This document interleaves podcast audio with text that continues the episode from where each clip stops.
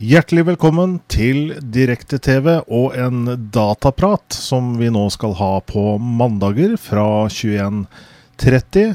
Og forhåpentligvis, hvis eh, nettet er med oss, så er vi live direkte inne hver eneste mandag fremover gjennom hele sommer. Selv om jeg innser at det kan bli litt tøft, for her i Sandefjord i dag så er det akkurat nå 20 grader i skyggen på offisiell måling på, på Torp flyplass. Og her oppe i andre etasje hos meg så er det litt over 30 grader, så vi får håpe vi klarer oss sånn noenlunde med litt, eh, med litt vann og litt sånne ting.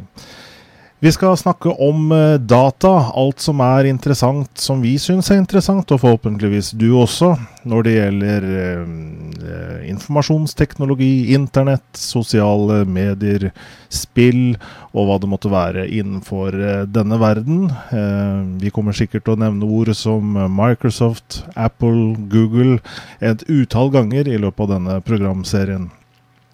Heldigvis så er jeg ikke alene. Vi skal sette på lyden her og få inn en mann på Skype fra, eh, fra Vestlandet. Her har vi Einar Holten. Velkommen, Einar.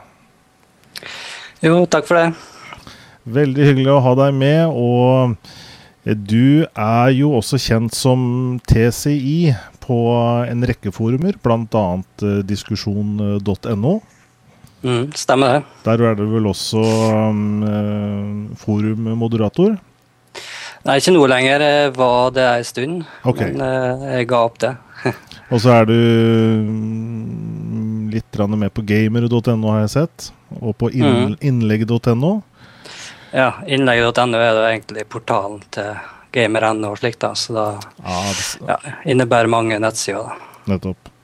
Og så skriver du litt på noe som heter ekstraliv.net. Mm. Hva, ja, det er mer, det? Ja, det er mer spillblogg, da, på en måte. At uh, poster om uh, ting som interesserer meg innen spillindustrien, og nyheter og slikt der. Så kanskje verdt å ta en titt. Ja. Det kommer vi sikkert til å gjøre underveis. Og det skjer mye spennende på spillfronten nå i sommer, og ikke minst til høsten. Så det kommer vi mm. sikkert til å, til å komme tilbake til eh, med jevne mellomrom på mandagene fremover. Skal vi si eh, Vi har en ganske eh, fullstappet eh, sending i dag. Men før vi, før vi før vi begynner på det, så er det litt viktig å nevne at dette er jo et nett-TV-format med en eh, Hvis dere ser under videoen her, så er det en sånn chatteboks der står det 'logg inn for spørsmål eller kommentarer, og det ønsker vi at dere som ser på, gjør, sånn at dere deltar interaktivt sammen med oss. Logger inn der, bare med et nickname. Der kan det f.eks. stå Ola Sandefjord, så vi vet også hvor dere er fra. Eh, passordet kan stå tomt, og så trykker dere bare 'connect'. Og så er dere med på, på chatten. Og det hadde vært veldig hyggelig for dere som ser på. Og og komme med innspill underveis, og kanskje hjelpe oss hvis vi står fast, eller, eller hva det måtte være. Det vi har ja. på agendaen i dag, Einar, det er uh, Melodi Grand Prix. Ja. Uh, og så har vi litt uh, Seagate hybrid harddisker. Så fjerner Google nå IE6-støtten. Mm, så eh, feirer jeg at Pacman, spillikonet, er 30 år. Og apropos jubileum, det gjør også Windows 3.0. De er 20 år. Mm. Og så har vi da Linux eh, Mint eh, versjon 9, som da kom ut sist uke. Og så Ja, nettopp. Mm. Og så kommer vi ikke utenom Facebook, selvfølgelig, som har vært veldig i, i hardt vær i den siste, siste uken spesielt. Og vi skal si mer om det etterpå. Mm. Og så har da Google lansert den femte stabile versjonen av Chrome 5. Så kommer Sony med en bøyelig OLED-skjerm. Mm. Og så har vi eh, da at Apple har gått forbi Microsoft i, eh, i verdi på aksje. Mm. Og 3D Mark, de har nå, dette benchmark-programmet, de har nå kommet med en, eh, en ny versjon. Ja. Nå klikka det litt her med meg, men jeg skal se om vi får det tilbake. Jeg kan jo også nevne at uh, iPad her uh, er nå lansert i flere land, ikke bare USA. Det skal vi si litt om. Ja. Så har vi Migo, et uh, open source mobiltelefon-OS fra Intel og Nokia. Ja. Så skal vi si litt om Scareware, hva nå det er. Mm. Og så har vi da Opera 10.6 Alfa 1, som da kom ut i dag. Og så skal vi si litt om Call of Duty Black Ops, som har release i november. Det er kommet litt nyheter rundt eh, spesielt multiplayer-delen. Så det skal vi også si litt om eh, senere. Ja, eh, vi, vi, nevnte, vi, nevnte, Melodi Grand Prix, Einar. Og jeg vet ikke om du ja. så på på lørdag? Nei, det gjorde jeg faktisk ikke. Eh, men jeg har nå fått med meg vinner og slikt, da. At Tyskland vant, ja. Mm. Eh, det jeg merket meg, var jo dette med eh, hva er det du kaller, Hvordan uttaler du det? Augmented reality. På, på, ja på, godt norsk utvidet virkelighet. Og det var noe som NRK brukte helt rått på under sendingen. Og um, det det er, er rett og slett datagrafikk som, som er klistra på ekte eh, live videobilder, da, som skjer, som skjer direkte. Eh, og um, det var en veldig godt teknisk gjennomført Grand Prix fra NRK sin side. Og dette med augmented reality, det var noe de som sagt benyttet rått. Nå så mm. kanskje ikke du det, da, Einar, men eh, Nei, nesten må, så jeg må sjekke ut det, da, tror jeg. Spesielt uh, uh, som en intro til landene som skulle synge, så var det da um, Så filma de liksom salen, og så kom det um, ja, disse um, fargepalettene fra Eurovision blei omdannet til, til først det geografiske bildet av landet, og så ble det gjort om til landets flagg. Og dette flagget var da flydde over hele salen, rett over hodene på alle de tusen fremmøtte på Fornebu Arena. Det var ganske, mm. ganske rå effekt. Ja, tøft. Kanskje noe i retning av det de gjorde i OL sist? Ja, eh, sportssendinger er jo også noe som er eh, også veldig veldig fin måte for augmented reality. For å, mm. for å vise på en måte Ja, om det måtte være offside eller hva det måtte være i fotball eller annen sport. Det å gå rett inn i, i sportssendingen, pausebildet f.eks., og vise Ehm, en liten grafikk på hvordan uh, altså ting som ikke er der, får en visuell uh, fremtoning på en helt genial måte med mm. augmented reality. Så, og NRK har vært flinke til å bruke det nå så langt, på i hvert fall de store produk produksjonene.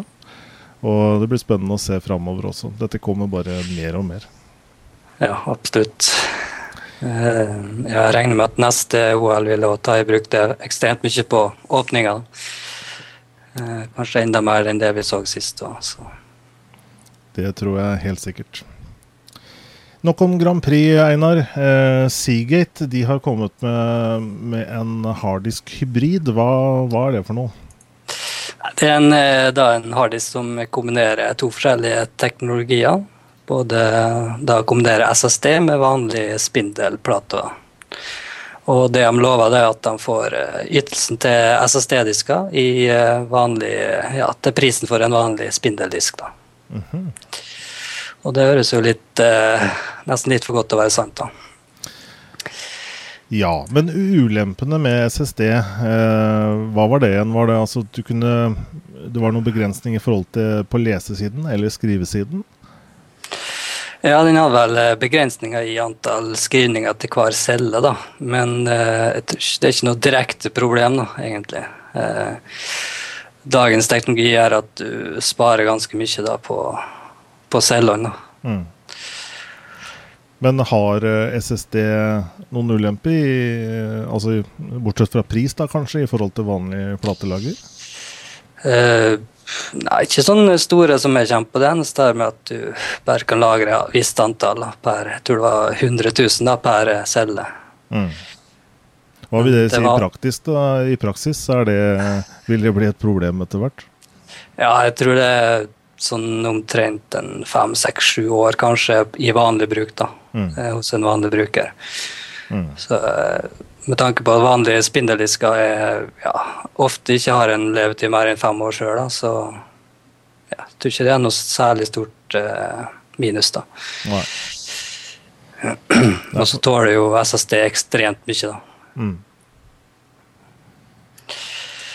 Men eh, jeg så på den her uh, nyheten om det, at det ikke kommer noen sånn uh, benchmarks. da, Så da er jeg jo kanskje litt skeptisk til akkurat den disken. da. Mm. Så gjenstår å se hva han yter, da. Ja, de første de første produktene av, av disse hybrid, altså disse nye hybriddiskene, det er kanskje blir jo kanskje litt sånn barnesykdommer og sånne ting som man kan, kan være lurt å avvente litt, muligens. Mm. Ja, det har vært eh, andre spindeldisker da, ute med mm. den SSD, eller flashminnet, som casher, men tror det har falt litt av. Mm. Uh, for den som kanskje lurer på hva disken heter, så er det i hvert fall Momentus XT, da. Seagate. Ok. Og den, uh, hvilken prispunkt skulle den komme på? Hvilken størrelse? Det står at den kommer i jeg skal se, opp til 500 gigabyte, og starter fra 250. da. Mm -hmm. Prisen står at den er på 113 dollar da, som start. Mm. Og den er, er den, er den releasa nå, eller den, kommer den nå til sommeren? Nei, jeg er litt usikker. Det var, den kommer vel snart, regner jeg med. Det står uh, ikke noe spesielt om det, som jeg kan se.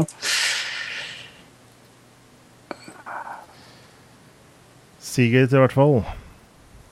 Mm. Så eh, eh, over til eh, Explorer 6. Det begynner å bli en stund siden jeg, eh, brukte den eh, browseren. Jeg vet ikke med, det, med deg, Einar, om du fortsatt er tro til IE6?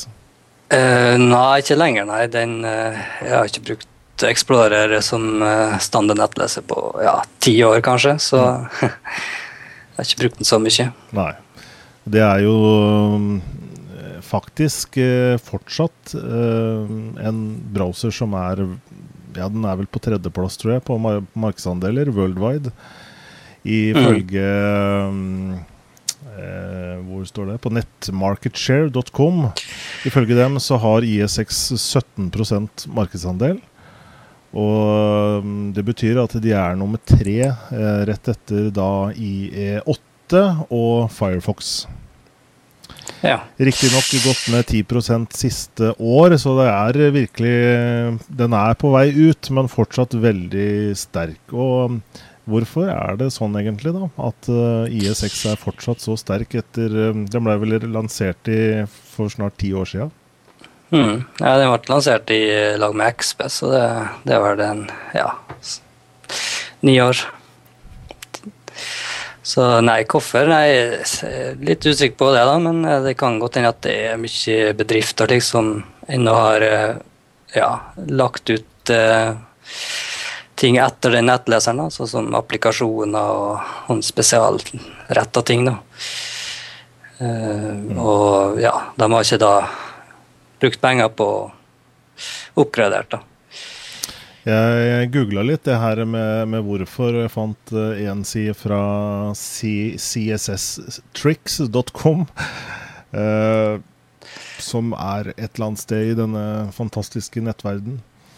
Uh, why people still use IE6, og de har prøvd å liste opp noen årsaker. Uh, because they have to. Ca. 30% må. Og det kan jo være jobbrelatert. en del ja, kall det tyngre industri sånn, altså, som prøver å standardisere på ting, har litt vanskeligheter for å gå bort fra ting, og har, eh, og har på en måte mm, kanskje laga applikasjoner og sånne ting som fungerer i IE6, og de er da, det er da store prosjekter å gå bort fra IE6. Ja. Eh, årsak nummer to because they have an old computer. Eh, det sies at Windows 2000 eh, kom med IE6. Eh, ja, det er ikke helt rett, men eh, nå ja, IE55, hvis du husker rett. Men uansett så er det i hvert fall den mest oppdaterte av den som er integrert i Windows, Windows 2000. Mm. Men eh, jeg syns det blir litt feil å si det, fordi ja, du har jo andre nettlesealternativer. Og det, nettopp. Og neste grunn er 'because they actively don't care, dislike changes'. Det kan vel ligge noe der, at det er noen som, uh, som ikke bryr seg. Det funker sånn noenlunde likevel? Ja, helt klart. Uh, det er jo egentlig det. derfor folk henger inn og igjen på XP. Mm. Så det er, folk er som oftest redd for endringer og ja, nye ting. Mm. Og siste punkt her med 15% because they don't know any better. Ja, det er òg en grei grunn. Sånn, eh, det er utrolig mange av dagens brukere av internett som ikke kjenner til mm. Vet ikke hva nettleser er, og de bare bruker det som er mm. i, eh, i operativsystemet. Og Det er jo årsaken til Microsoft sin suverene markedsposisjon når det gjelder nettleser. Fordi at de har jo 90 et eller annet markedsandel markeds, uh, på OS-et sitt. Og der har du jo hele tiden fulgt med, et, med, med, en browser.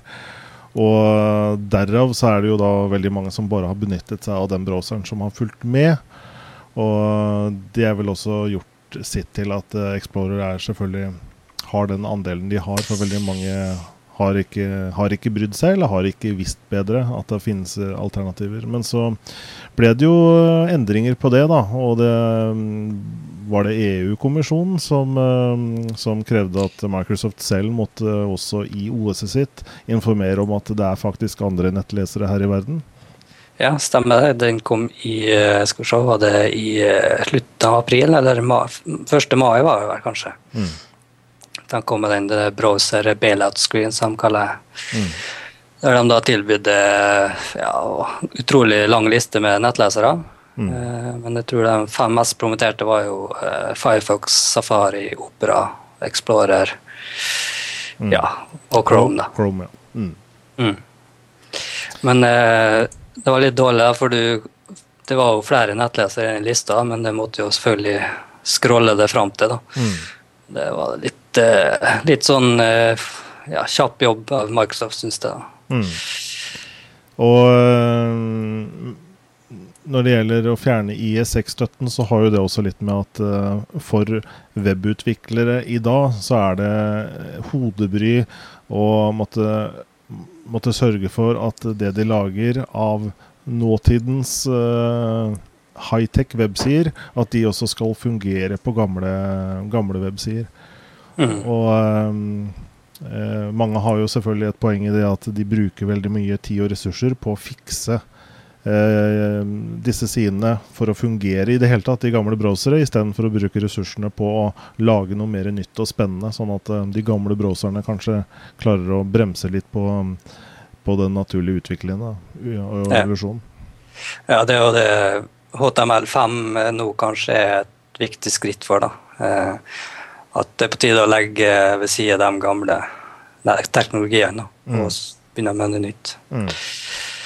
Og nå fjerner da Google på um, IE6-støtten på Google Reader for de som bruker det, men de fjerna det vel på YouTube tidligere? Ja, for noen måneder siden så fjerna de den. Så, mm. så det er egentlig bra at det begynner å bli skvisa ut. da. Mm. Og um, det gjøres vel også kampanje på norsk jord i forhold til å bli, bli kvitt IS6. Jeg har sett på, på vg.no f.eks. så har de Jeg vet ikke om de har det enda, men de hadde i hvert fall en sånn svær boks i toppen som sier at uh, du har en gammel browser, du burde oppdatere. Ja, ja det stemmer. Det var ganske mange, eller ikke mange, da, men i hvert fall noen få litt profilerte sider som hadde det. Så Jeg husker ikke navnet på det alle sammen, men eh, jeg tror DigiNO eller Din Side hadde lignende. da. Mm. Um,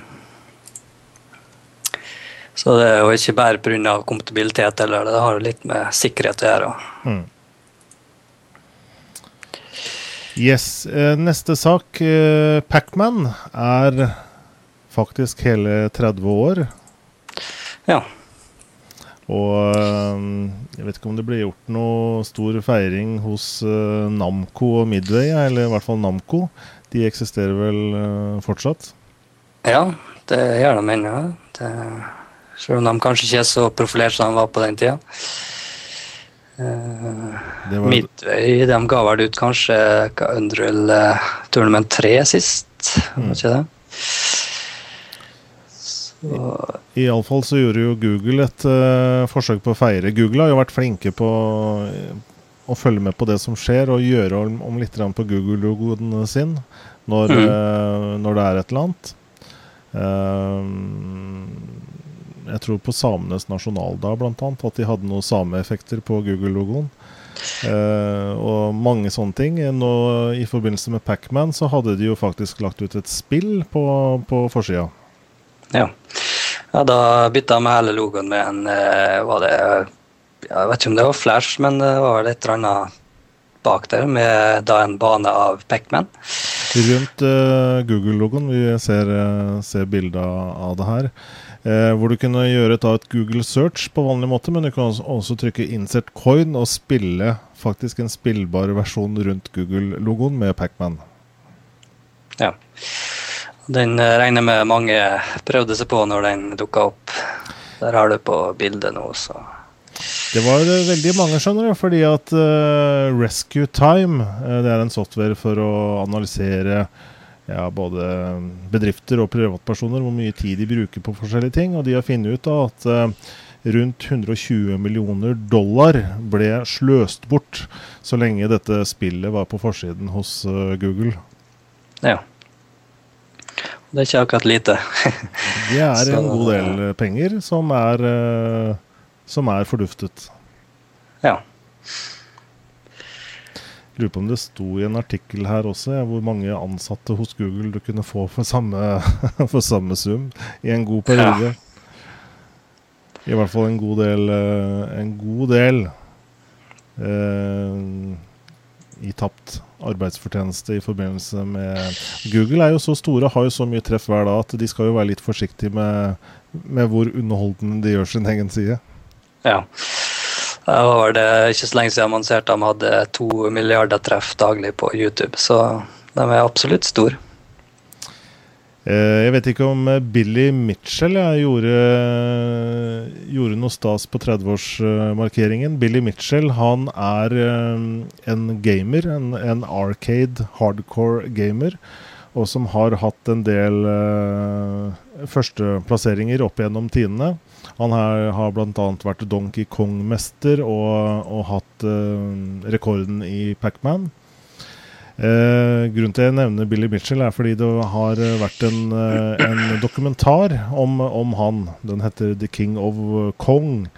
Og uh, en veldig morsom dokumentar for de som som ønsker å se hvordan hardcore arcade-miljøet arter seg.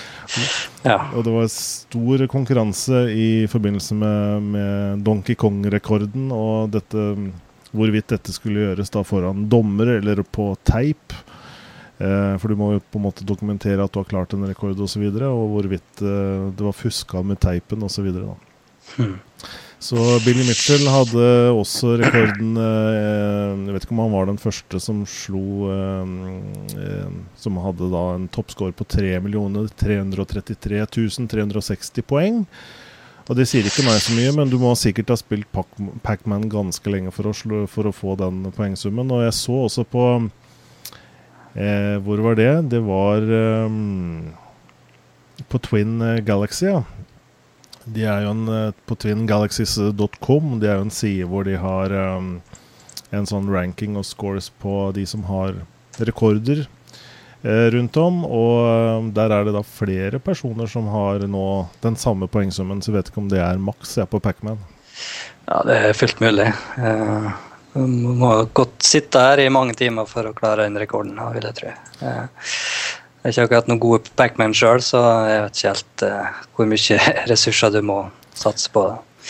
Jeg, jeg, tror vel alle, eller i hvert fall veldig mange, har et forhold til Pacman. I hvert fall prøvd det. Og de fleste gir vel seg kanskje etter noen få brett. Ja. Uh, men uh, i hvert fall ifølge den dokumentaren her, da, så er det blod, svette og tårer i, ukevis og månedsvis hver eneste dag ja. for, å, for å slå rekorden i Pacman. Ja. Det er jo egentlig et sånt spill du lett kan komme i og spille en liten stund, og så legge fra deg igjen. Så mm. ganske sånn allmennvennlig spill. da. Mm.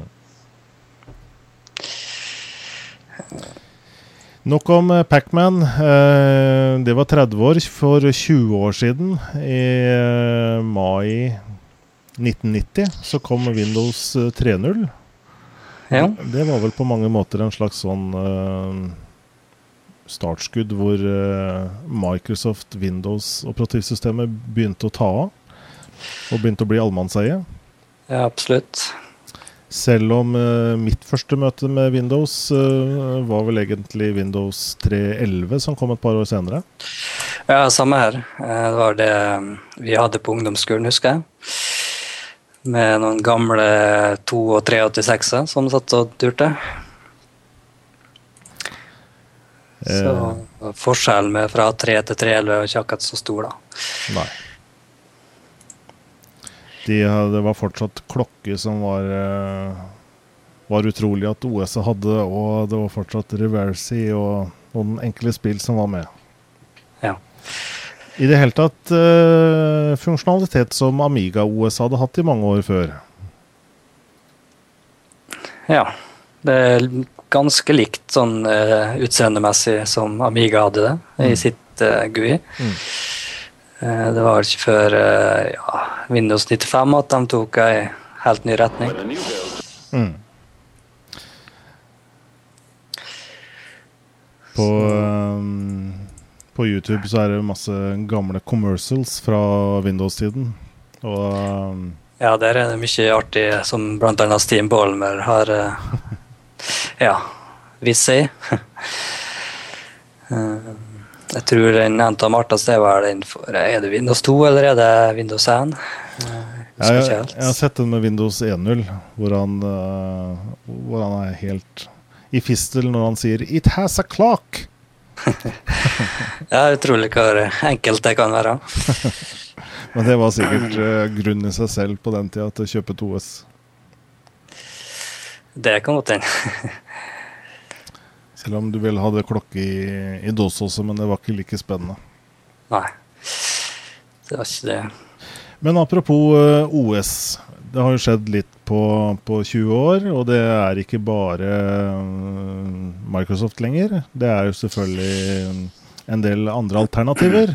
Og Linux mm. begynner jo å klatre litt på markedsandeler, selv om de bare fortsatt har en prosent eller noe sånt nå.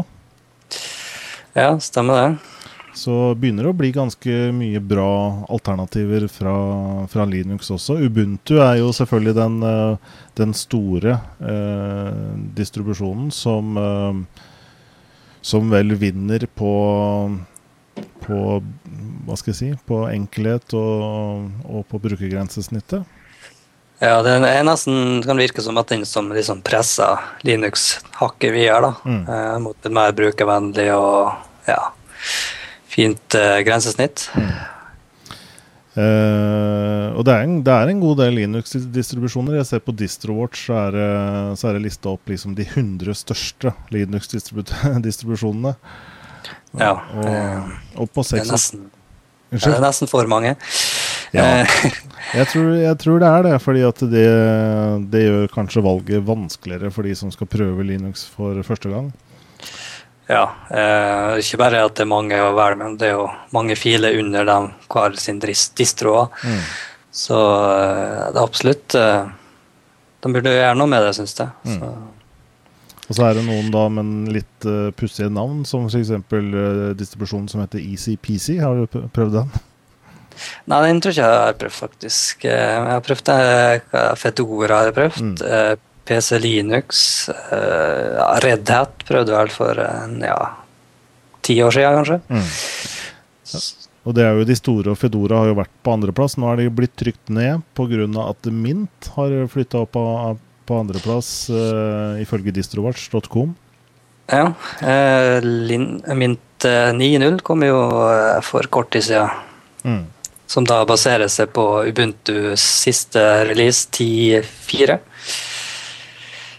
Uh, og da er det ikke store Ja, de endrer stort sett litt av utseendet og legger til noen små program da, som gir en mer helhetlig pakke. da. Mm. Sånn med kodek og ja, enkeltprogram. da. Ja, fordi fortsatt med Ubuntu, selv om det skal være bruker, brukervennlig, så er det ikke alt som fungerer i, med, med, første install der. Nei, det er ikke. Uh, som enkle ting som å spille ei MP3-fil, det går ikke uten å laste ned kodek til det. Mm. Så, og det er liksom ikke noe sånn ei pakke du kan laste ned alltid. Uh, du kan selvfølgelig laste ned f.eks. et uh, DVD-program som da har kodek i seg, men om du ikke gjør det, så må du plukke pakka individuelt. da.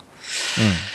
Og Mint uh, 9 da er jo da Ja, For det første så er de flinke til å release veldig kjapt. Uh, Ubuntu 10, uh, 10.04 kom 29.4, og 18. mai så, så ble Mint uh, sluppet. Ja. ja de, stort sett det de bestemte seg for når releasen her, var, så ut som det var bare sånn kosmetikk og sånne mindre program, da, sånn som software manager og, og kanskje sånne minimale endringer. Så, så de klarte å release ganske kjapt. da. Mm. Og for de som ønsker å prøve Linux, så er jo det også blitt veldig enkelt med disse live-CD-ene. og man, man, slipper jo på en måte å sette sitt eget OS, hva det måtte være, i, i fare. Ja, eh, det går an, det. Så du, også, du kan legge det på USB-pinne hvis du heller foretrekker det. Eh, det går gjerne mye kjappere, da. Mm. Det, det jeg bruker jeg sjøl, så CD-plate syns jeg er litt avleggs når det gjelder installering av OS. da. Mm. I hvert fall så frem som eh, eh maskiner de støtter boot fra USB-stikket. da. Mm. Um. Eh, for du har jo også disse installasjonene som gjør at du installerer det i Windows. Du får det på en måte opp som et program i Add and Remove Programs. Hvis du vil fjerne det, så kan du det, men da blir det vel virtuell, et virtuelt OS egentlig, som ligger som en liten fil. Ja, stemmer det. Det blir som en virtuell disk, da, så du får litt mindre diskytelse. Mm. Men uh, forskjellen er nesten marginal, syns jeg. Ok. Mm. Uh, Testa litt, uh, har ikke merka så ekstremt stor forskjell. Uh, der har jeg testa Mint 9 da, med sin uh, egen Mint for vind. da. Mm. Uh, Isadora heter det. Det er fine navn mm. på alle disse versjonene. Ja, det er alltid mange kreative navn der, så uh, men nå skal vel Ubuntu De har allerede begynt å jobbe med mm. neste høstlansering si. Mm. Eh, ti, hva blir det? 10-9 har jeg. Eller er det 10-10? Ja, 10-10 er det. 10-10 er det kanskje. Mm. Det er oktober. 10-10 av 29. oktober. Ja. Maverick Mercat. Ja, ei marekatt, ja. Uh, Uh, ja, og da regner jeg med at Mint kommer i november, kanskje. Mm. Mot midten mot slutten av november. Mm. Uh, og Mint uh, syns jeg vel selv er på en måte Hvis du skal prøve en Linux-distribusjon, så er Mint kanskje det, det mest det minst problem Altså det er minst problemer med, med det. Det, det, bare funker. Ja. det er liksom du slipper å drive og ja, laste ned pakker hele tida. Stort sett alt er der da, som du trenger. Mm. Så det er ganske kjekt. da. Så er det minner kanskje utseendet litt på Windows, da. Mm. Så mange sånne Linux-folk sier kanskje at uh, Linux ikke er Windows, og det er en god ting, men uh, mm. det er ikke alltid det, det syns jeg. Mm. Um, så det jeg vil anbefale, er også å kjøre en, en sånn install i Windows til å begynne med. Sånn at du i hvert fall får testa det uten at det som sagt setter OS-et ditt i fare på noen som helst måte. Og hvis ja. det da svarer til forventningene, så kan man jo da vurdere å installere det med en, eh, med en, eh, med en annen partisjon, f.eks. At man ikke får den virtuelt, sånn som man får fysiske å si, filer. da Sånn at man får kanskje den lille ytelsen, selv om du, som du sier, er kanskje ikke så store forskjeller. Nei, det er ikke noe sånn eh, du merker stort av, egentlig. Eh, det går greit. I hvert fall så frem du har en rask disk, da. Mm. Ja. Eh, vet du hvilken dag det er i dag? Uh, nei. Hva du tenker på? Det er uh, Quit Facebook Day. Ah, ja, jeg syns faktisk jeg komme på Jeg har lest et eller annet om det. ja. Det er Quit Facebook Day 31. mai, og uh, vi ser på sidene deres her at de har da Altså Det er jo da i dag at man skal melde seg ut av Facebook, og det er jo 31 976 eh, personer som har sagt de skal, eh, skal eh, kutte ut Facebook-kontoen sin. Ja, Spørs det hvor mange som kommer tilbake en ei uke senere. og ok, 32 000 er jo en del mennesker hvis du, hvis du setter etter hverandre, men uh, ja. det er jo ikke veldig mange mennesker i Facebook-sammenheng. Nei, absolutt ikke. Jeg vet ikke hvor mange millioner de er oppe i. Mange hundre millioner, i hvert fall. Så. Jeg syns jeg så et sted hvor det var snakk om nå en 500 millioner medlemmer. Altså en halv milliard mennesker er medlem av Facebook. Ja. Og det vil jo si at 32 eh, 000 eh, utmeldinger, det er, vel, eh, det er vel det samme som de får av innmeldinger før lunsj, antagelig? Ja, det er fullt mulig. Men uh, grunnen til at de melder seg ut, det er jo selvfølgelig en annen sak. Fordi at uh, de har, har Facebook og, og, han godeste CEO, Mark Zuckerberg, han er jo i hardt vær fordi at uh, dette med personvernet jo, henger jo i en tynn tråd når det gjelder Facebook. Ja, det har gått mye hardt verre der. Ja. De får jo legge til ting i den der brukeravtalen hele tida og gjøre endringer i i privat uh, og sikkerhetsdelen. da. Mm. For det syns jeg har merka sjøl med Facebook, at uh, det kommer stadig noe nytt. Og så må du da passe på selv hele tiden å gå inn på personvernsida og se om du må ta stilling til noe. Og jeg har liksom følt meg litt utrygg på at uh, hva er det av min profil nå som plutselig har blitt public, holdt jeg på å si. Altså, det er ikke sikkert det har vært så ille, men man har liksom følt at det har vært veldig sånn Det skjer endringer der hele tiden. og Mm. Jeg er ikke mest aktiv i bruker av Facebook, da, men eh, jeg ser nå helt klart at det blir endra hver gang jeg går inn. Da, så. Eh, men det var ikke ganske nylig de hadde en ny endring? Var det ikke noen dager siden, eller? Eh, jo, Facebook har jo selvfølgelig hørt på dette her og ønsker å eller lover bot og bedring. Eh, Mark Zuckerberg har jo gått, opp, gått ut på den offisielle Facebook-siden og Jeg vet ikke om vi kan vise litt fra, fra det han sier her. new controls to make it simpler for you to control what you share on Facebook. These changes are a direct result of the feedback many of you have shared with us about our recent product launches. I wanted to share some of my thoughts with you about how Facebook has evolved and how what we're doing now gives you more control. When I started Facebook, it was built around a few simple ideas. People want to share and stay connected with their friends and the people around them. When people have control over what they share, they're comfortable sharing more. When people share more, the world becomes more open and connected. And in a more open world, many of the biggest problems we face together will become easier to solve. A lot has changed on Facebook since then, but these core principles remain true today. We started Facebook in a college dorm more than six years ago, and over time, Facebook has become less about colleges and more about sharing lots of content with different groups of people. Along the way, we needed new privacy controls and features to make that possible. A little more than a year ago, we began work on a big set of changes to how sharing and privacy work on Facebook. We recognize that we've changed a lot of things, so we've spent a lot of time reviewing your feedback so we could address your concerns. The number one thing we've heard is that there just needs to be simpler ways to control your information. We agree. So today, we started rolling out three new things to address this. First, We've built one simple master control that you can use to set who can see all of the content you share on Facebook. In one click, you can set all the content that you've ever posted to everyone, friends of your friends, or just your friends. No need to go through multiple settings anymore. Once you set the master control, it will apply to all new products we release going forward. And if you prefer more granular controls for specific types of content, you can still use those settings. We haven't removed anything in this update, we've just added a simple master switch to control all of your content at once. Second, we've reduced the amount of information that has to be visible to everyone in order to use Facebook. You no longer have to have your friends and your pages open to everyone. You can set those fields to be visible to whoever you want. Third, we've made it simple to control whether applications and websites can access any of your information.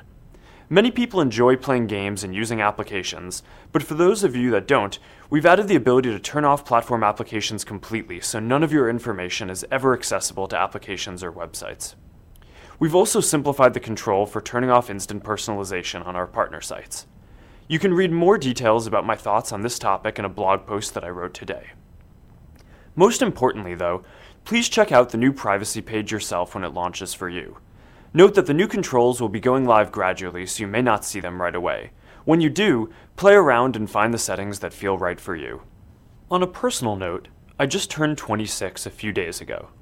As I look back to when I started Facebook, I'm amazed at how it's evolved and how so many of you are using it to stay connected all around the world.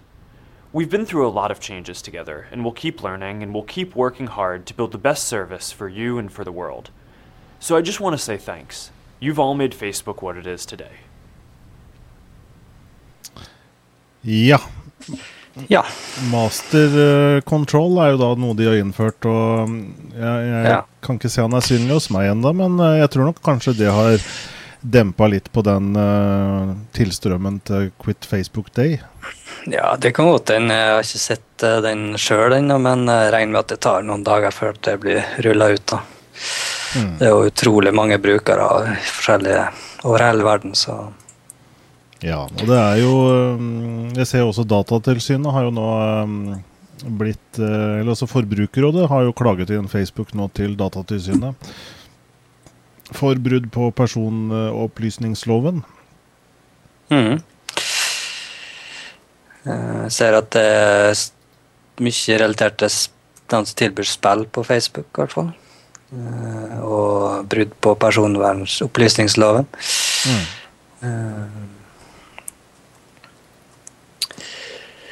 Men jeg er ikke så stor bruker av Facebook, så jeg har ikke lest så mye om sjøl dette greiene der, da. Nei. Det er jo mye pga. den eh, ja, personvernet til Facebook at jeg velger å ikke bruke det så mye.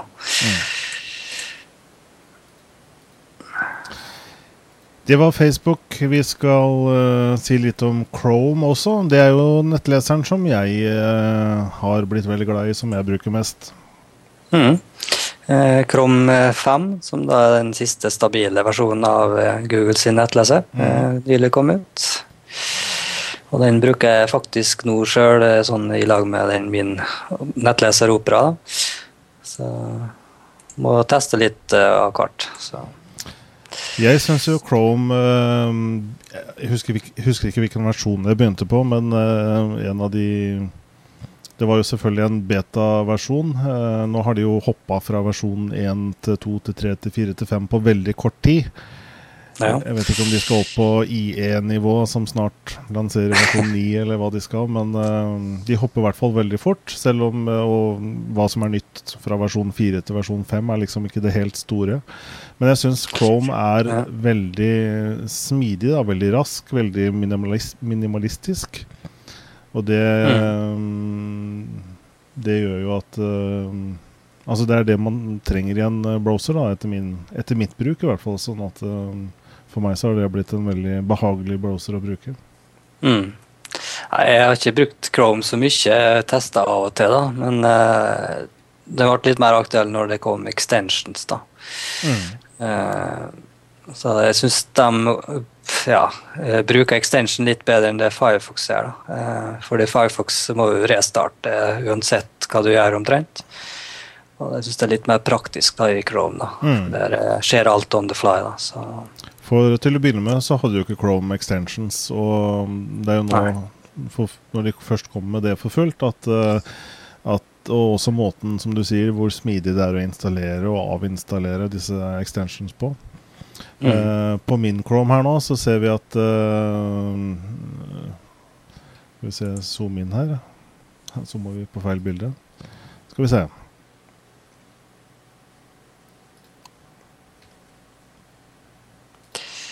Jeg tenkte å vise mine extensions som jeg bruker. Ja. Eh, til eh, den første extensionen der, den der A-en. Eh, den der, det er jo sånn Google Translate. Eh, hvis du da får opp en nett, eh, nettside på, på, et eller annet språk, eh, så er det bare å trykke på den, og så blir den oversatt til norsk. Det kan være praktisk. Nå har, det, nå, har jo Chrome dette her innbygd. Uh, men jeg syns den maser litt, sånn at han så fort han er da på en, uh, på en ikke-norskspråklig side, så, så, spør den hele tida om han skal oversette. Så ja. jeg, har heller disabla den, og så syns jeg det er veldig greit å ha det tillegget, sånn at jeg kan, kan gjøre det en gang iblant da, hvis, jeg, hvis jeg ønsker å gjøre det. Nå begynner Google Translate å bli veldig bra også.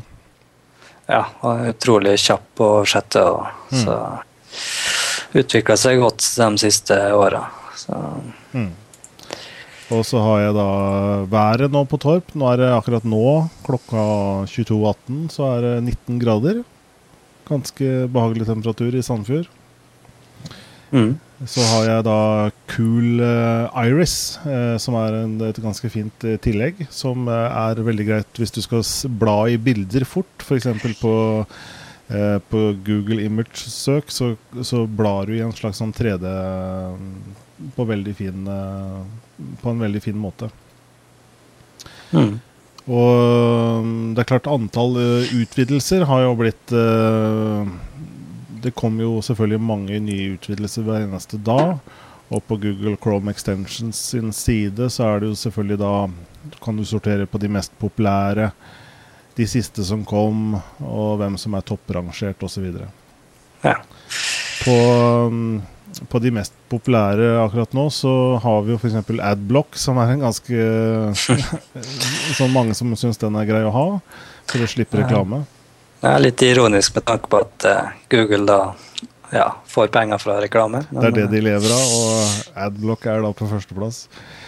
Uh, det artige her er at utviklerne ser også, og ikke bare utviklerne, men alle ser da hvor mange brukere som har installert denne extension. Og um, på Adblock da, så er det over én million brukere. Ja. Og, og, dette er faktiske tall, og ukentlige installasjoner er 140 000 installasjoner, installasjoner av Adblock. Skjer hver ja. eneste uke. Faktisk en av dem jeg har lagt inn sjøl nå nettopp i dag, så det er i hvert fall én pluss der. Så har de Google Mail Checker IE-tab, sånn at du kan se da en IE-side, eller en side som man ville sett ut i Internett Explorer. Den er også en veldig populær uh, extension. Ja. Men de har, uh, det er extensions for omtrent hva som helst, og du kan bare søke i fritekst også hvis det er et eller annet man, uh, man er på jakt etter. Ja. ja det er noe ting jeg liker best, det er mouse gestures, da. Så det, mm. det må jeg alt, alltid legge inn når jeg tester Chrome. Mm. Da Pga. at jeg har brukt Opera så lenge at jeg klarer meg nesten ikke uten. Så da har jeg lagt inn en som heter Smooth Gestures. da. Ja. Uh, og en del av de extensionene er vel sånn at du selv også kan eh, definere de, fordi at det er jo litt forskjellig fra, fra mouse gesture til mouse gesture, gesture hvordan, uh, hva som er left, og hva som er reload, osv. Mm. Ja, det plager meg litt av og til når jeg driver og setter opp så her at alle har sin egen innstilling, og så mm. må du drive og finpusse etter dine preferanser. Mm. Uh, så det første jeg gjør når jeg lander inn, i er selvfølgelig å endre litt. da. Mm. Men faktisk så var den ikke så ille, da, med tanke på ting som jeg er vant med. da. Mm. Uh, men det var altså uh, Chrome 5 som er lansert nå, men uh, mm. du heller mer mot Opera, har jeg skjønt? Ja, det, nå har jeg brukt Opera i ja, rundt ti år, så jeg klarer ikke helt å rive meg vekk fra den. Så. Og jeg vet ikke om du har prøvd den nye 10, versjon 1060 Alfa 1, ja, som har kommet, var i dag den ble sluppet? Ja, jeg må alltid prøve sånt, så den la inn med en gang jeg fikk tak i. så... Mm. Men den er litt buggy, da, så du må være litt obs. Og mm. må nesten vite hva du gjør hvis du driver og legger sånn der. da. Så det, det er alltid et eller annet noen mindre feil med alfaversjoner. Mm. Og jeg merker allerede en del feil bl.a. Uh, på YouTube, uh, der uh, hvis du trykker på Save As eller Save In, så der du velger favoritter og sånn, så funker ikke den. da. Og det samme med Twitter. Hvis du logger inn, så krasjer nettleseren. Mm. Så alltid sånne små ting der med sånne alfa-releaser. Mm. Så bør ikke forvente at det fungerer like godt som en stabil lansering. da. Og hvis du skal prøve Opera for første gang, så ikke installer Alfa 1. Nei, da vil du få ganske dårlig erfaring, tror jeg. Så den siste stabile er vel 1053, tror jeg, om ikke 1054. Mm -hmm. Så det er litt bedre alternativ. Mm. Og det er kanskje det beste med Opera, som jeg syns, da, det er jo at uh, de fleste av sånne extension du trenger i Chrome og Firefox, det, det er integrert, da. Sånn som Mouse Gestures og Adblock og ja, sånne mm. ting, da. Mm.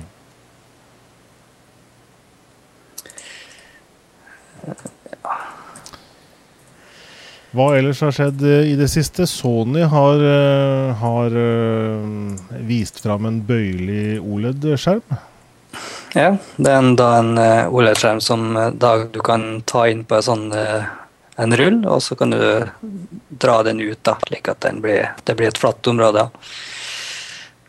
Ganske interessant teknologi. Ja. Jeg vet ikke om du kanskje har sett en serie som gikk for noen år siden som heter Earth Final Conflict? Nei. Det er en uh, serie som han, uh, han uh, samme som lager holder på med Star Trek. da. Han, Nå husker jeg ikke navnet i farta, men det var i hvert fall noen PDA da, som brukte den type skjermer som står der. Da. Så jeg syns det var litt artig å se. da. Det minte meg utrolig om den serien. Mm -hmm. Og det var en serie da eh, rundt uh, ja, 20 år fram i tid, sånn cirka. Hvilken, hva slags bruksområde ser man umiddelbart her, da? Nei, det er nå stort sett at du kan ta en lite, lite, en liten gadget da, og kunne strekke skjermen da, etter behov. Og kanskje å kunne ha det rundt vegger og søyler og alt mulig rart. Så det kan bli interessant å se hva de klarer å få til. Skal vi se om vi kan ta fram et lite Jeg kanskje ikke har lyden på her, men uh, en liten video fra Dette er fra neovind.net. En liten video som demonstrerer uh, Ja. Jeg er ikke den mest spennende videoen, men Og for meg så kan det se ut som det er litt grønne og, og rosa streker på på bildet? Ja, det er helt klart en ganske ny teknologi, da, så det er mange feil. da. Mm.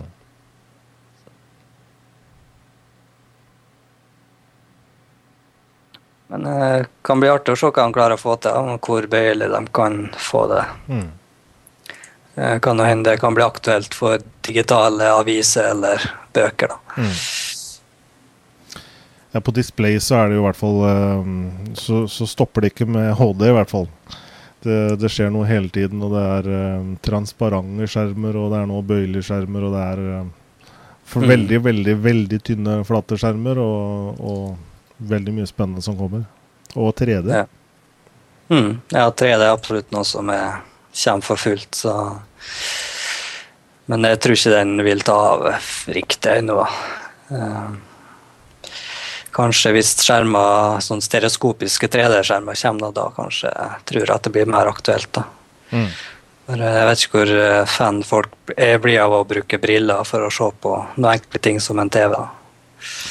Nei, det er kanskje forskjellig Er det ikke forskjellige 3D-TV-er òg, hvor, hvor, du må ha noen briller i noen sammenhenger, og på andre TV-er så burde du ikke ha det i det hele tatt? Mm. Så er det jo forskjellige 3D-teknologier, mm. da. Eh, er ikke helt uh, inne på det, men det, det, er et par som har forskjellige fordeler og andre ulemper. og sånt der da. Mm. Så. Og jeg tror at det, det Selvfølgelig. Det at det er mange, mange som kniver om å finne et eller annet uh, finne en eller annen standard, gjør at eh, man bremser opp. Mange, veldig mange sitter på gjerdet og venter og ser hva som skjer istedenfor. Ja. Eh, så eh, skal vi nevne fort, og det eh, er en sak som, som, har hatt ganske mye oppmerksomhet i, det, i den uken som har vært, og det er at Apple nå for første gang er større enn Microsoft. Mm. Eh, det gjelder da med hvor mye verdt de er av aksjene. Eh, som nå er de akkurat basert Microsoft. Mm. Jeg tror det var snakk om ja, fire-fem millioner. Ja, så så vidt uh, passert. Uh, og da snakker vi Er det over 200 uh, milliarder dollar som begge selskapene hver for seg har vært.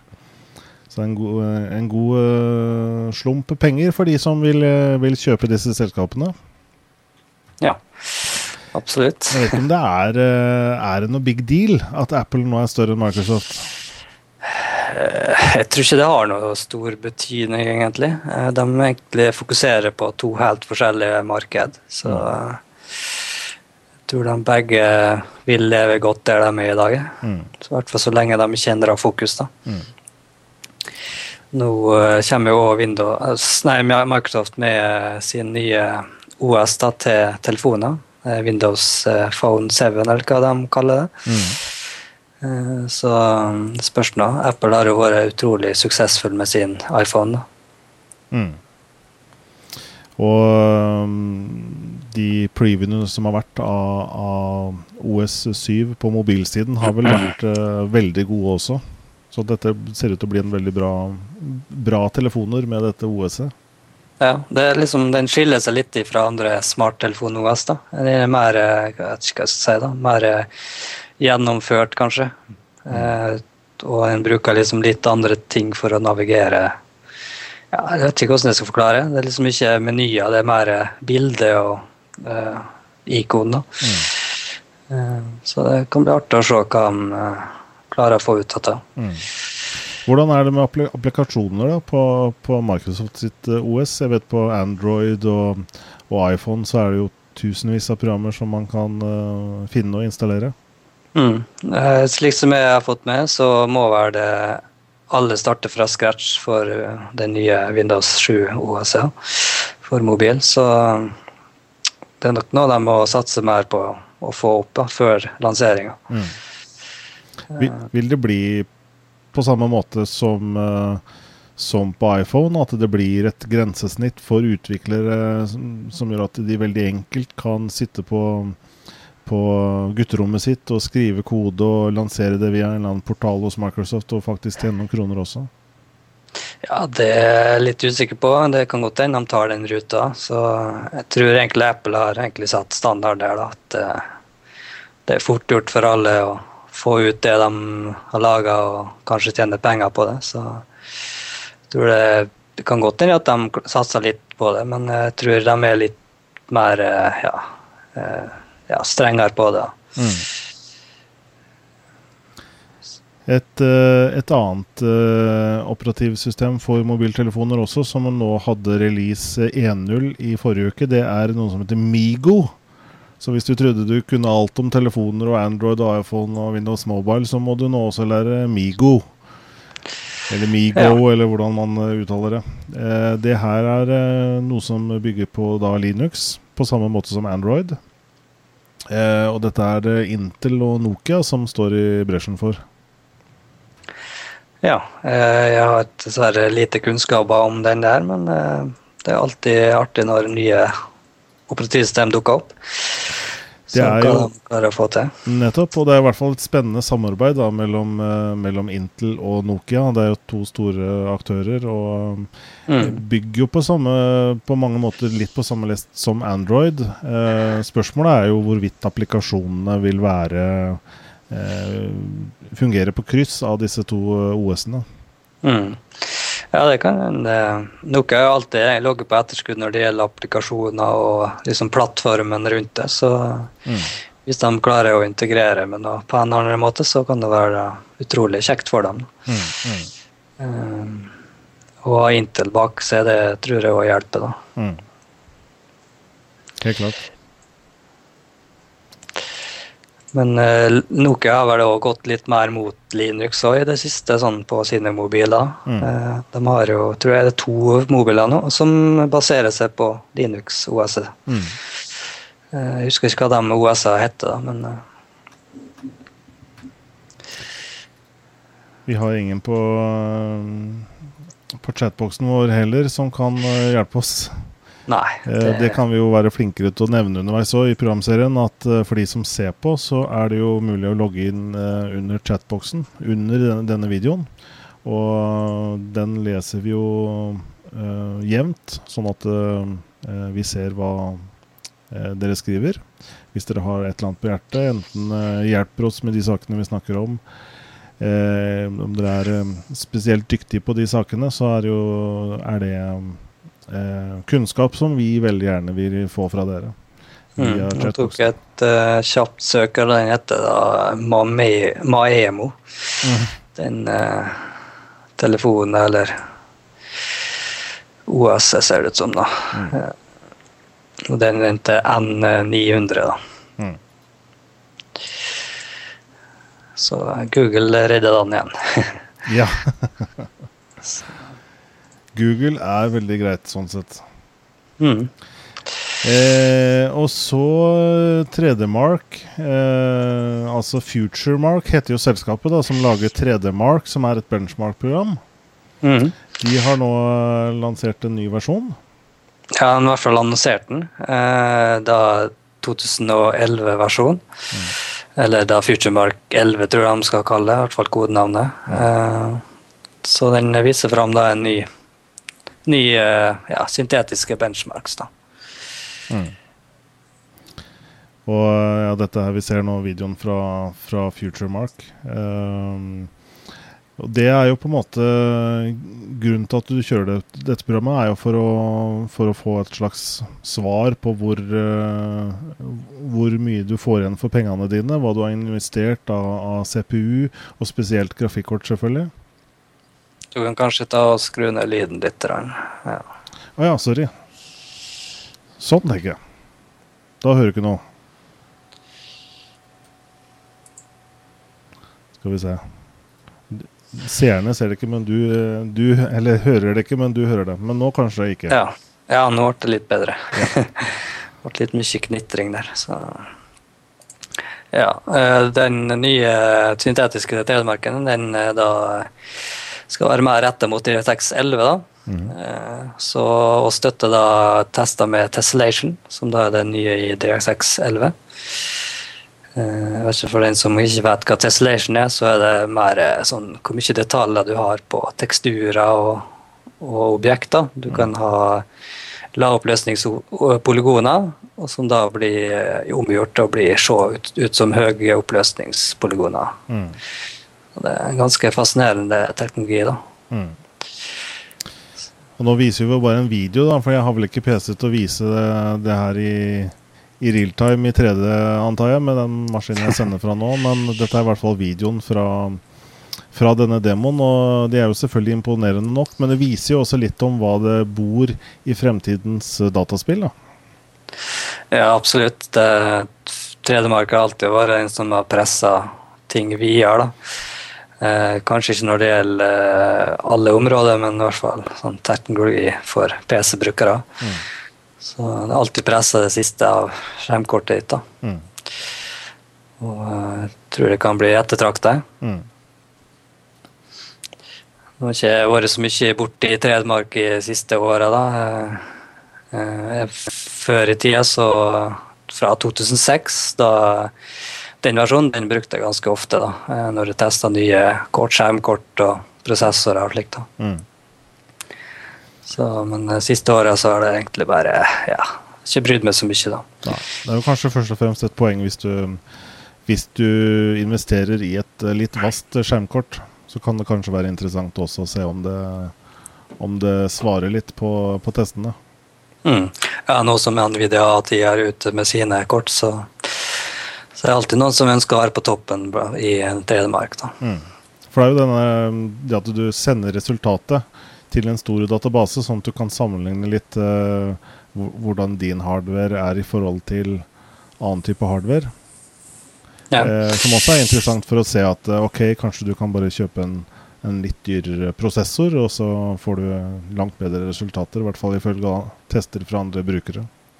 Ja, så er det jo mange som overklokker til det mest ekstreme, da, så det er nesten umulig for vanlige brukere å nå toppen. Da. Ja, ja. Så.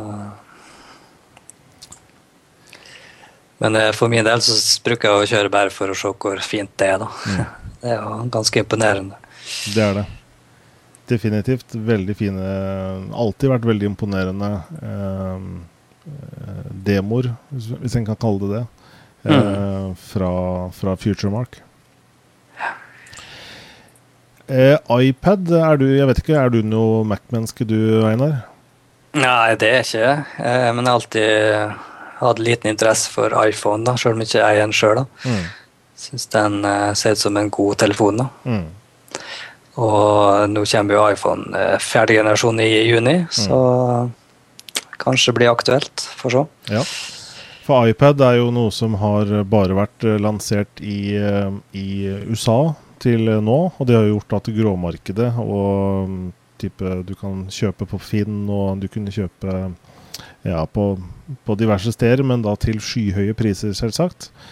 Eh, ja. Nå begynner da Apple å lansere dette her til andre land også, og ifølge Apple selv her, da, så har de nå 28. mai lansert iPad til ni nye land. og Det er Australia, Canada, Frankrike, Italia, Japan, Spania, Storbritannia, Sveits og Tyskland. Mm Og mhm. det er jo da meldt om lange køer, eh, selvfølgelig, i de landene. Vært veldig stor eh, ståhei. Ja, som vanlig, nesten. Eh, det er alltid stor ståhei rundt Apple sine lanseringer, så mm. ikke akkurat noe overraskelse. Og i juli nå så er det vel også flere land som får lansering av iPad, men eh, det er vel ikke satt noe endelig dato for iPad i, i Norge? Nei, det er det ikke. Jeg har allerede fått eh, litt eh, testa litt, da, iPad. Eh, det var en på kollega på arbeid som fikk testa ut den. Så det føles ganske mye som bare en stor iPhone, da, men eh, jeg vet ikke hvor suksessfull den blir, da, men eh, det starta i hvert fall godt. da. Mm, mm. Eh, nå har vel de fått over to millioner solgte i statene, så det går fort. Mm. Men hvor aktuell den blir sånn for noe annet enn den er, det vet ikke jeg. da. Den, Apple er litt begrensa når det gjelder muligheter. Mm. Så, men det kan bli artig å se hva folk klarer å gjøre hvis de f.eks. klarer å hacke, hacke iPaden. Da. Så. Mm. Eh, tiden flyr litt ifra oss, så vi kan jo nevne den ja. siste saken. Call of Duty, first person shooter fra, fra, fra Treyarch. Eh, ja. De kom jo nå i november. Det har jo vært sånn Annethvert år så har eh, Activision brukt to forskjellige utviklere på Call of Duty. Og Det er fordi at eh, det er så stor salgssuksess at de må ut med noe hvert eneste år. Eh, men, ja. men uh, utviklerne har ikke tid til å lage et såpass omfattende spill bare på et år, sånn at de har brukt to selskaper. Og det har da vært Infinity Ward og Treyarch. Ja. Eh, nå virker det som Infinity Ward er litt ute av dan dansen, så vi får se hva som skjer eh, etter Black Ops. Men Black Ops er i hvert fall første, første fokus nå denne høsten. Og Treyarch mm. eh, har jo nå Selvfølgelig solgte de masse eksemplarer etter, uh, med, med, World at War. Uh, det var ja. jo tittelen som kom etter Kod 4, som hadde en kjempesuksess. Og, og dermed så, så, var det veldig mange som også kjøpte World at War og regnet med at det kanskje kunne være en uh, naturlig oppfølger. Mm. Uh, og nå er det da uh, Black Ops og Treyarch har jo nå brukt selvfølgelig mye mer ressurser på, på dette spillet. Uh, når de lagde World at War, så lagde de tre spill samtidig, i tillegg Altså hvor uh, de lagde to spill i tillegg til World at War på det, på det tidspunktet. Nå bruker ja. de da 100% fokus på, på Black Ops, hele teamet. Og de som lager da multiplayer-delen, de er nå De har nå dobbelt så mange utviklere som de hadde under World at War. Så hvis de hadde så hvis de hadde én i World at War, så er de nå to. Eller om de hadde 30, så er de nå 60. det sier, ja. sier, ikke hvor mange de er. Men, ja, og ut ifra traileren så ser det altså ut som det har lønna seg. Eh, det ser utrolig bra ut. da. Mm. Eh, nå er det første hoppet for Trehjelk inn i den moderne krigføringa. Mm. Eh, og vet ikke om du kanskje skal vise traileren og i hvert fall noen klipp fra han. Det kan vi prøve på. De hadde jo en, eh, en liten teaser nå. En, en World Premiere uncut. Mm. Eh, skal vi se om vi kan få litt fra den her. Så få på litt lyd også. A lie is a lie. Just because they write it down and call it history doesn't make it the truth. We live in a world where seeing is not believing. Where only a few know what really happened. Ready when you are.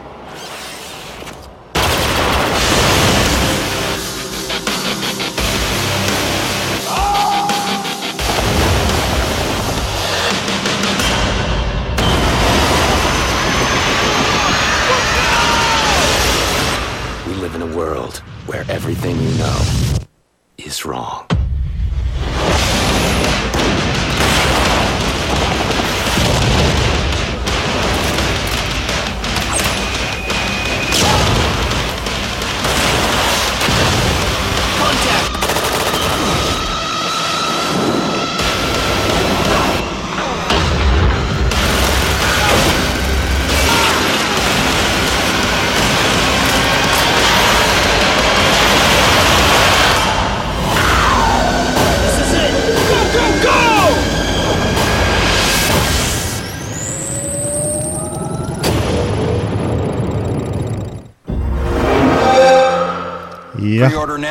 Xbox 360. Yes.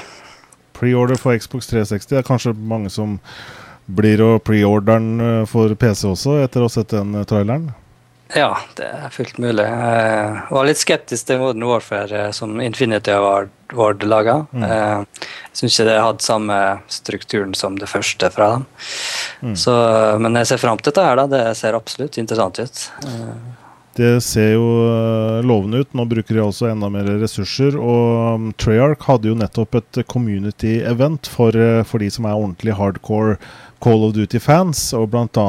Uh, et community-sted som heter bashandslash.com. Uh, var til stede der og fikk da Ja, det var vel singleplayer som hadde hovedfokus, men de fikk da vite litt rundt multiplayer-biten også. Annet at den ble starta samtidig med Altså utviklingen av multiplayer ble starta samtidig med, med singleplayer. Og det vil si at ikke det er på en måte en slags uh, hvor mappene er bare en liten del av ting som er brukt i singleplayer, men at alle multiplayer-mappene er lagd eh, samtidig. Og du vil ikke finne et multiplayer-map som en del av singleplayer-biten. Og de er laga på en måte med, med for, Spesielt med fokus på det competitive community, da. Altså på konkurranse eh, For konkurransespillerne. At det har mm. bra at det, har, at det, fungerer bra for um, At det er en bra balanse på, på mappene, for å si det sånn. Mm. Ja. Nei, det skal bli artig å se hva de får til litt. Uh, multiplayeren er ikke noe jeg har spilt med Modern Warfare eller kommet ut i Det jeg liker mest singleplayerne, da, så mm. Jeg syns multiplayeren blir litt rotete, da. Mm. Uh, nå spiller jeg jo stort sett ja, CS og Bad Company 2 da, på PlayStation 3 og sånn. da. Syns mm. de er litt mer ja, litt mindre ting som skjer på skjermen samtidig. da. Ja. Bra. Da um, er vi så vidt litt over tiden, så jeg tror vi sier det er uh, Vi sier at Dataprat, program nummer én, er i, i boks. Eh, vi er tilbake også neste mandag, Einar. Og hva som skjer neste uke, er jo bl.a. denne utviklerkonferansen til, eh, til, Apple i eh, San Francisco. Ja. På mandag klokka 19 19 eh, norsk tid så går jo Steve Jobs på scenen og holder sin keynote. Uh, og det er jo selvfølgelig alltid spennende å se hva Steve Jobs har å melde, selv om uh, mange av nyhetene vel man mener å vite hva, mye av det som kommer, men uansett så blir det spennende å se. Ja. Det er ikke så lett å holde på hemmelighetene i Apple, ser det ut som. Så jeg tror ikke det blir noen store overraskelser, men det skal bli artig å høre hva han har å si. Absolutt. Så det skjer klokka 19, og når vi da er på 21.30, så har vi, har vi, fått med oss det meste. Så kan vi, kan vi, snakke litt om det da, hvis du er med, Einar. Mm. Veldig bra. Da sier jeg tusen hjertelig takk for at du ble med, Einar. Eh, for de som ønsker å følge deg på Twitter, så er det TCI82. Mm. Du har også eholten.net. Ja. Og, Den er ikke så oppdatert, men uh, det er bare å stikke innom, da. Ja. Og så ikke minst ekstraliv.net, var det det? Mm. Det er absolutt å anbefale for dere som ønsker enda mer um, spillrelatert innhold og, og, datastoff. Ja. Bra. Men da sier jeg takk for nå, Einar, og så ses vi vel neste mandag. Yes, takk det samme. Ha det bra. Ha det.